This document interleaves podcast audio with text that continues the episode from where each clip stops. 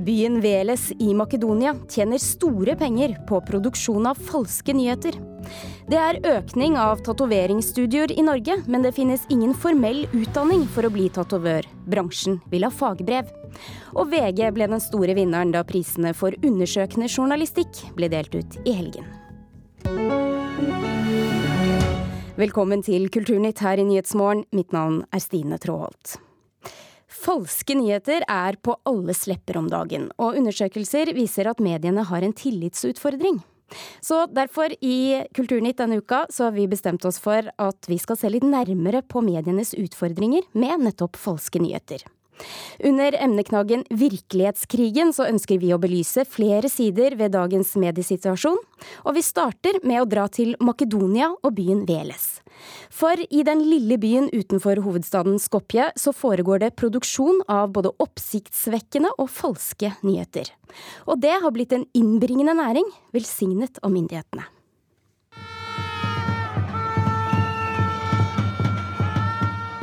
Mørket har falt på, men de brede gatene som leder opp mot parlamentet i Makedonias hovedstad Skopje, er fylt med politiske demonstranter. Nice yeah. I et hotell i sentrum sitter IT-gründer Mirko Seselkoski, på folkemunne kjent som gudfaren for falske nyheter. Det var han som lærte ungguttene fra den lille byen Veles hva som skulle til. I made a few jeg skapte et par millionærer, og en del av dem tjener fremdeles gode penger. Sier Cecil Koski selvtilfreds, og legger til at han er stolt av det han har fått til. So you're proud of the results? Yeah. yeah. You can say that. You can say that. I want to welcome you to the first presidential debate. The participants tonight are Donald Trump and Hillary Clinton. Det begynte rett før den amerikanske valgkampen i fjor. Cecil Koski skulle holde et av sine mange kurs i hvordan man skriver populære nyhetssaker på internett. Noen av deltakerne ble så flinke at de etter hvert nådde millioner av leserne med saker om den amerikanske valgkampen. Særlig saker om Donald Trump gikk bra, fant de ut. The Pope by his own words, has actually endorsed Donald Trump as the next president of the United States. And this is in the news. Problemet var bare at nyhetene var rent oppspinn. Got a WikiLeaks shocker now for you. Hillary Clinton actually endorsed Donald Trump for president. Det var saker om at paven støtta Trump, og at Hillary Clinton ville at Trump skulle vinne fordi han var ubestikkelig. Artiklene ble sitert verden rundt, mens forfatterne bak oppspinnet satt i Makedonia og fryda seg over at annonsekronene tikka inn på bankkontoen. Oh, goodness. She said that. Den lille byen Veles, litt sør for hovedstaden, var over natta blitt hovedsete for 100 nettsteder som produserte falske nyhetsartikler under den amerikanske valgkampen. Trikset er å gjøre nyhetssakene så provoserende som mulig, og overskriften må få folk til å bli engstelige.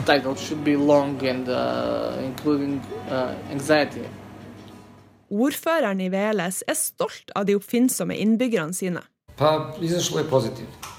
Jeg syns det er positivt. Det er jo ikke ulovlig å skrive falske nyheter. Ungdommen har klart å tjene penger på noe som ingen har klart før de, og dessuten så har det satt byen vår på kartet. This is one of those websites, usa24.com. Let's go to the homepage. Den undersøkende journalisten Saska Svetskovska rista på hodet over uttalelsene til ordføreren. Really uh, Hun har gjort falske nyheter til sin største fiende, og tror de kan være en medvirkende årsak til at folk trekker til gatene i Skopje i protest. I Macedonia, Uh, på de statlige nyhetssendingene refereres det til saker som er oppdiktet og falske. Landet vårt er et interessant eksempel på hvor lett falske nyheter kan penetrere de ekte nyhetene. Alt man trenger, er noen dårlige intensjoner. How easy fake news can uh, penetrate in the real news when somebody has.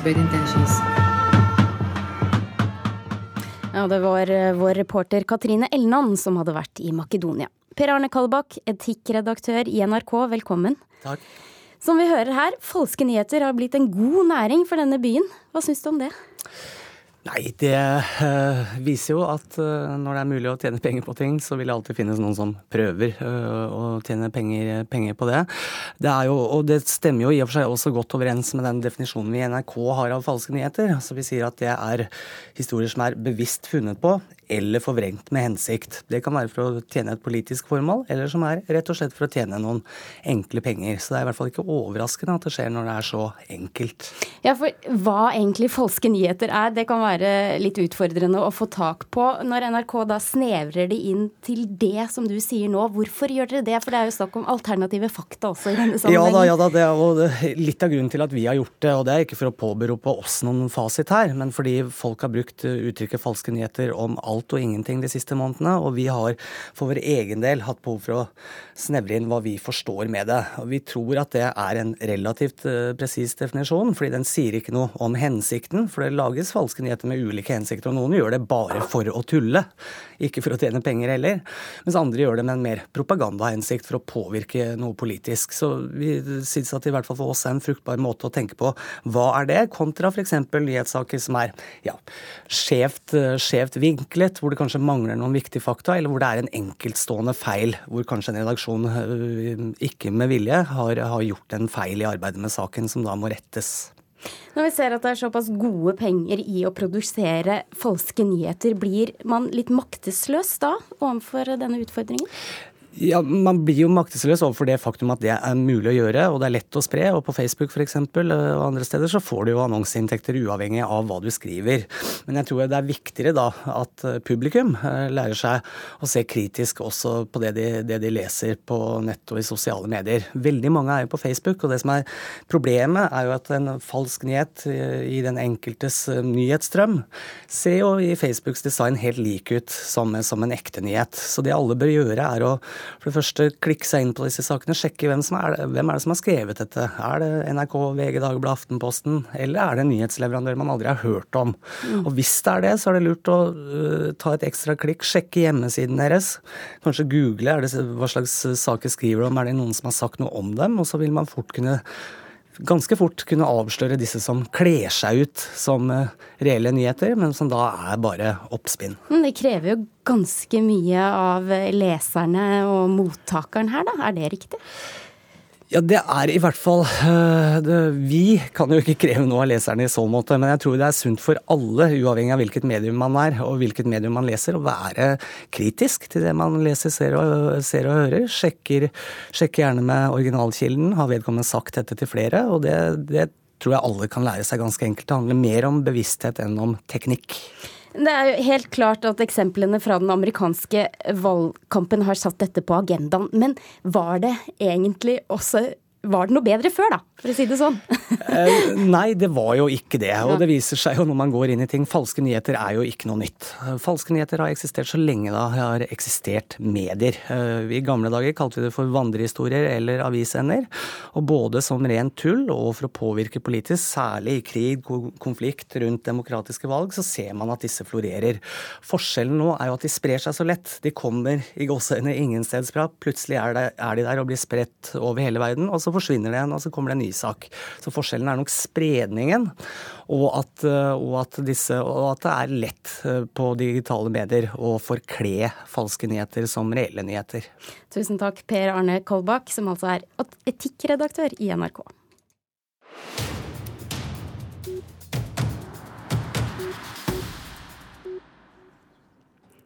Og da skal vi til Eliteserien i fotball. Nei, Nei da, vi skal ikke det, men vi skal snakke om det. Jeg trodde at vi skulle få høre et lite eh, glimt av det som skjedde i helgen. Men det er i hvert fall ført til en krangling mellom TV-kanalene, og det kan du forklare oss hvorfor, reporter Oddvin Aune. Ja. Før denne sesongen så mista TV 2 rettighetene til Eliteserien, og de gikk til eh, Discovery. Eh, men likevel så har TV 2 i eh, innlagte nyhetssendinger i programmet Fotballekstra på TV 2 Sebra, hvor de da viser alle skåringene. Og det her skaper rabalder, fordi selskapet Fotballmedia, som styrer salg av fotballrettighetene, mener at TV 2 ikke har rett til å vise de skåringene. Og de vurderer å ta saken til retten, ifølge NTB. Eh, fotballmedia mener at TV 2 er utspekulerte og at de tøyer strikken altfor langt, mens TV 2 sjøl mener at de følger nyhetsretten og praksisen deres vil stå seg i en eventuell rettssak. Og fra fotball til årets YouTuber. Nå har jeg fylt 14 år. OMG, hvor fort tiden går.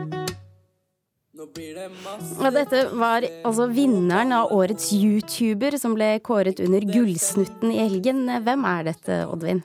14 år gamle Herman Dahl fra Oslo, som da er spesielt eh, kjent for låta 'Fjortis', som vi hørte her. Han starta sin egen YouTube-kanal for eh, rundt et år siden og har eh, opparbeidet seg 70 000 følgere.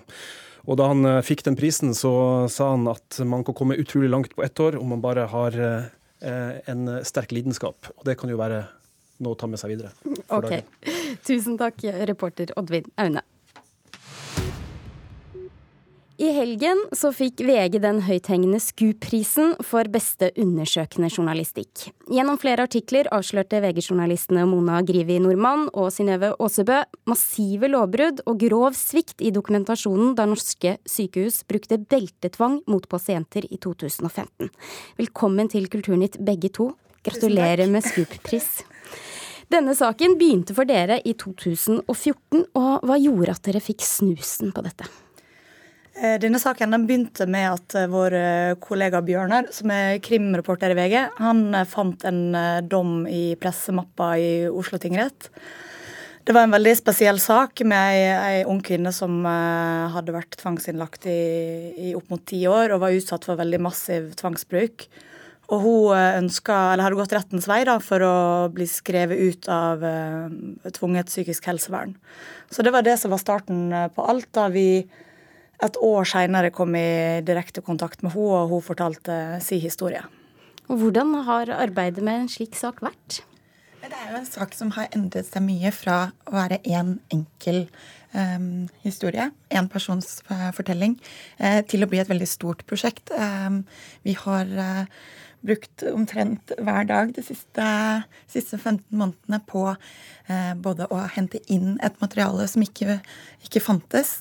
Eh, vi har eh, digitalisert eh, veldig, veldig store mengder dokumenter og fått eh, skapt en debatt om et, eh, et, felt som kanskje ikke har fått så mye søkelys i mange år. Og hvilke, hvilke utfordringer har dere møtt på da?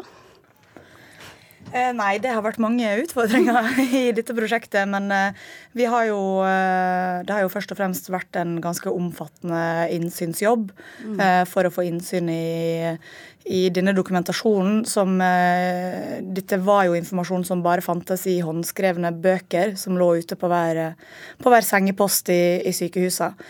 Så det har vel vært det mest krevende med prosjektet, å både få henta det inn og også få få digitalisert det på en måte sånn at eh, det gikk an å bruke de data som vi fant der, da. Og så skriver juryen i sin begrunnelse at dere har møtt motstand på grensen til sabotasje. Hva menes med det? Juryen må jo eh, få, få, svare på det, kanskje. Men eh, det de mener, det jeg tror de viser til, er eh, hvordan eh, jurister og eh, ansatte ved sykehusene har forsøkt å forhindre oss i å få eh, kopier av disse protokollene. Ja, For dere opplevde det sånn? Eh, ja, vi fikk jo nei fra de fleste i utgangspunktet. Mm. Eh, og vi forstår jo at dette er informasjon som er eh, taushetsbelagt eh, og, og, inneholder eh, mye sensitiv informasjon.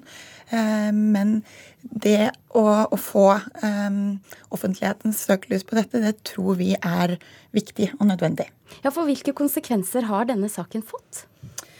Eh, har, det har jo først og fremst blitt en stor debatt om, om bruken av tvang i, i Norge. Det har, den har også fått mange konsekvenser. Alle sykehusene må jo nå registrere tvangsbruken på nytt for 2014 og 2015. Det har de så vidt vi vet ikke klart å gjøre ennå, selv om den fristen var i vinter.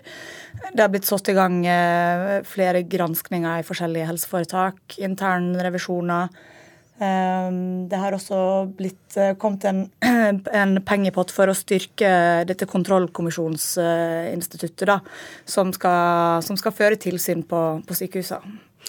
I helgen så ble det også delt ut fem diplomer under denne Scoop-konferansen eh, for gravende journalistikk. VG fikk hele tre av fem. Er det et spesielt fokus eh, på gravesaker i VG? Ja, det må vi kunne si. Vi hadde ei omorganisering av redaksjonen i 2015. Der vi har et litt tydeligere, en tydeligere avgrensning av redaksjonen, der vi er ei gruppe på på tolv journalister som jobber mer langsiktig, og det er vel kanskje det man nå ser eh, resultatene av. da. Så vi er jo utrolig glad også på våre kollegaer sine vegne, eh, og ikke minst også for VG Sporten, da, som eh, klinker til med et diplom. Gratulerer skal dere ha. Tusen takk for at dere også kom til Kulturnytt, Mona Grivi Nordmann og Synnøve Åtsebø. Og her i Kulturnytt så er nå klokken snart 19 minutter over åtte, og dette er nyhetsoverskriftene nå.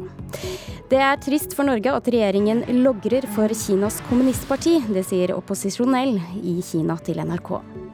Svindlere prøver seg oftere, og flere av oss blir rammet av datakriminalitet, ifølge Kripos. Og livsviktige opplysninger i din kjernejournal kan være feil. Helsepersonell ber om automatisk oppdatering. Et, et, bransjesøk NRK har gjort, viser en økning i nyetableringer av tatoveringsstudioer i Norge de seks siste åra. Men likevel så har ikke tatoveringsyrket noen formell utdanning i Norge, og kunnskap om blodsmitte og hygiene er svært viktig, sier Norsk Tattoo-union, foreningen til norske tatovører. Nå etterspør de fagbrev. Dette er lyden av en tatoveringsmaskin. Nålen går inn og ut av huden til 20 år gamle Thomas Larsen som nålen i en symaskin, og tegner kunstneriske motiver med blekk. Hvor vondt er det nå? Grad nå så er det ikke så ille. Det blir veldig mye vondere jo lenger jeg ligger. Det finnes ingen oversikt over hvor mange tatoveringsstudioer som finnes totalt i Norge. Men når NRK søker i firmaregisteret Bisweb på nyetableringer med ordene tattoo, tatovering eller ink i navnet, er tendensen åpenbar. De seneste årene har antallet økt kraftig. Jeg tror jo at uh, det her med tatovering har blitt generelt mye mer populært uh, de siste åra. Sier styreleder i Norsk Tattoo Union, Remi Sølberg. Vi ser jo en økning i antall studioer i Norge. Eh, I Oslo så er det vel 40-50 registrerte studioer eller tatoverer. ikke sant? Mens for uh, et par tiår siden så var det ett studio i, i gamlebyen. Moteekspert Marianne Jemtegård sier tatovering er blitt allemannseie og ikke er like trendy lenger. Dette er nok en industri som, eh, som, fortsatt kommer til å vokse i det store og brede. Men hvis vi snakker ut fra trendperspektiv, så er det vel eh, kanskje mer snart den litt Hva skal man si? Den umalte kroppen som blir det, det aller mest trendy, og kanskje også det aller mest spesielle. Det er i tatovering ikke bare det kunstneriske som skal være på plass. Det kreves også kunnskap om blodsmitte, hygiene og blekk. Sølvberg mener vi i framtiden vil se en mer organisert form i bransjen. Altså nå øh, følger man øh, en lærlinge-læremester-tradisjon. Um, jeg tror ikke det kommer til å forbli sånn. Jeg tenker at i framtiden så kommer det til å være mer eh, satt et yrke, et fagbrev, en tittel. Som, som, leder i Norsk Statsunion så, så, planlegger vi å ta opp disse spørsmålene i, i nær framtid. For å se hva bransjen vil. Skal vi ligge i forkant, eller skal vi ta det etter hvert som ting skjer? I studioet til Remi i Moss begynner Thomas sin tatovering å ta form. Motivet på brystet er en hodeskalle et timeglass omringet av roser og vinger, og en bondagefugl i blått. Tatovering så liker jeg så mye som mulig detaljer. Og da med alle fjæra og alt som da kommer inn, og så syns jeg bare det er Jeg syns det er kult. Å få ferdig hele motivet tar opp mot 25 timer. Og Hva er det du tenker på for å holde ut når det er veldig vondt? Hvor kult det blir når det er ferdig. Det var reporter Caroline Tolvsen som hadde laget dette innslaget. Russlands mest kjente samtidspoet Jevgenjev Jevtusjenko døde lørdag 84 år gammel. Jevtusjenko bodde størsteparten av tiden i USA, og han er mest kjent for diktet om massehenrettelsene av jøder i Kiev i Ukraina. Над бабьим яром памятников нет, Kruтой обрыв, как Over Babiar er det ingen minnesmerker, bare et bratt stup. Jeg føler frykt, sier Jevgenij Jevtutsjenko i dette opptaket der han leser sitt dikt fra 1961. Jevtusjenko skrev dette for å minnes de mer enn 30 000 jødene som ble drept 29. og 30. september 1941 i utkanten av den ukrainske hovedstaden Kiev, i en av de verste massakrene under annen verdenskrig. Fram til dette ble det nesten ikke snakket om jødeutryddelsene, spesielt i Sovjetunionen, som både Russland og Ukraina var en del av. Dette hadde sjokkert den unge poeten, som i løpet av noen timer skrev sitt mest berømte dikt om det som hadde skjedd 20 år tidligere, og om forholdet mellom jøder og russere.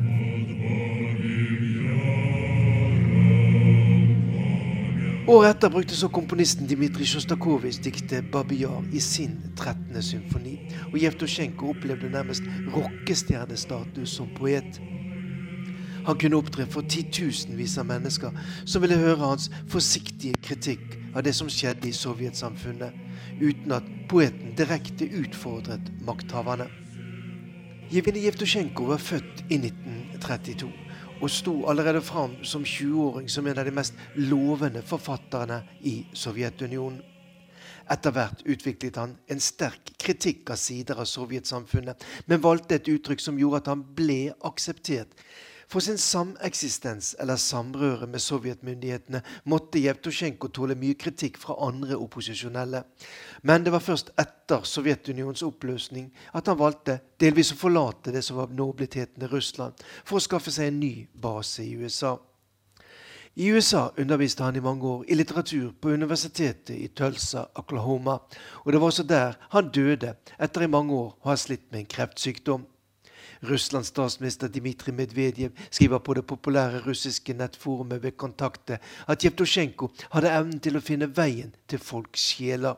Og i hele helgen har Jevtusjenko vært hyllet som den største og mest innflytelsesrike russiske poeten i vår tid. Det var Morten Jentoft som orienterte. Trondheim Jazzorkester blir gjerne omtalt som landets fremste jazzensemble, og har høstet jubel fra de største jazzstjernene i verden. Og nå har de sluppet en ny plate hvor de samarbeider med kunstpopduoen Skrap. Gjesteartister inkluderer Hege Skøyen, Emilie Nicolas og Kjartan Fløgstad. Vi skal høre et lite kutt. Vi kjenner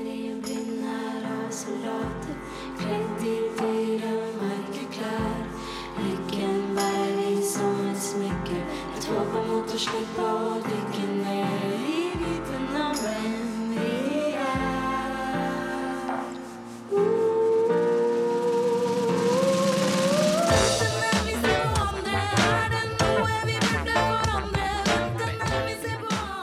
Og dette var fra Pen nå. Svein Magnus Furu, jazzanmelder i NRK. Hvordan vil du sammenligne dette med, det med det vi vanligvis hører fra Trondheim Jazzorkester? Jo, dette, nå, er de en, nå, er vi i en helt uh, annen sjanger enn man kan forvente fra et jazzorkester, i hvert fall. Men, uh, men uh, det som er den største forskjellen, er, det er kanskje det at vi er så langt unna vi er så langt unna den jazzens hjemmebane her hos Skrap. Samtidig så greier de også å trekke inn elementer definitivt fra det vi vanligvis hører fra jazzorkestre, som er både tradisjonelle form for jazz, mer avansert eh, frijazz, og her har de også dratt inn en del hiphop, og særlig litt sånn skranglete elektronisk popmusikk. Er det det som gjør det hele litt spennende, sånn som du ser det? Ja, det er en, det er en sånn sjangerschizofreni her som er utrolig morsom og fascinerende å høre på. Hvor de lekende lett kan eh, ake seg fra de villeste frijazzfantasier til eh, inn i deilig smektende popmusikk med Emilie Nicolas, sånn som vi hørte her i åpningsklippet. Ja, for de har fått med seg da kjente artister, og da må jeg jo si Hege Skøyen, Emilie Nicolas. Kjente begge to, men enorm forskjell eh, på artisteriet, kan man vel kanskje si. Eh, hva tilfører de? Jo, det Altså, eh, da, det henger kanskje litt sammen med hele, hele tematikken her, på på en, måte. Fordi plata den heter Antropocen, og den, de har lagd sin egen vri på dette her med at eh, menneskets tidsalder, altså mennesket har klart å sette sitt eget avtrykk på hele jordkloden, som gjør at den tidsalderen som vi er inne i, sånn geologisk sett, den er menneskets tidsalder. Og de gjør sin egen vri på dette her med å si at um, menneskets tidsalder er egentlig en tidsalder som handler om det å ønske å bli sett og ha et sterkt behov for å bli sett. Og så får de da inn veldig kjente navn som på en måte gjør det, uh, gjør det litt mer nesten mer klikkvennlig. ikke sant? At du har disse her kjente navnene oppå dette her. Så det er en slags sånn samrøre av, av, tematikk og disse personene som de også henter inn. da. Og den, den innsatsen som eh, disse personene gjør, altså både Hege Skøyen og Kjartan Fløgstad har sånne voiceovere hvor de forteller historier. Og de er jo veldig dyktige fortellere, ikke sant? så de klarer å gi en dybde til eh, historien. Og så har du Emilie Nicolas som også da har studert sammen med disse her skrapjentene, og som som, eh, som tilfører sin veldig unike popsensibilitet inn i dette bildet her. Vi hører litt mer 'En kompleks organisme', heter dette, denne låta.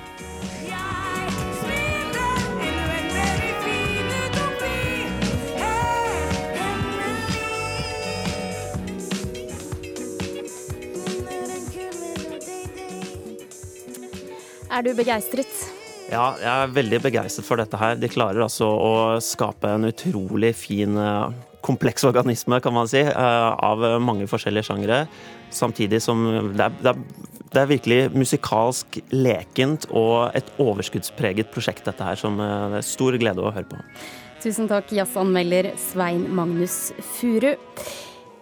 Produsent for Kulturnytt det var Thomas Alvarstein Ove. Vi går ut på disse tonene fra Trondheim Jazzorkester, og så kommer Dagsnytt snart her i Nyhetsmorgen.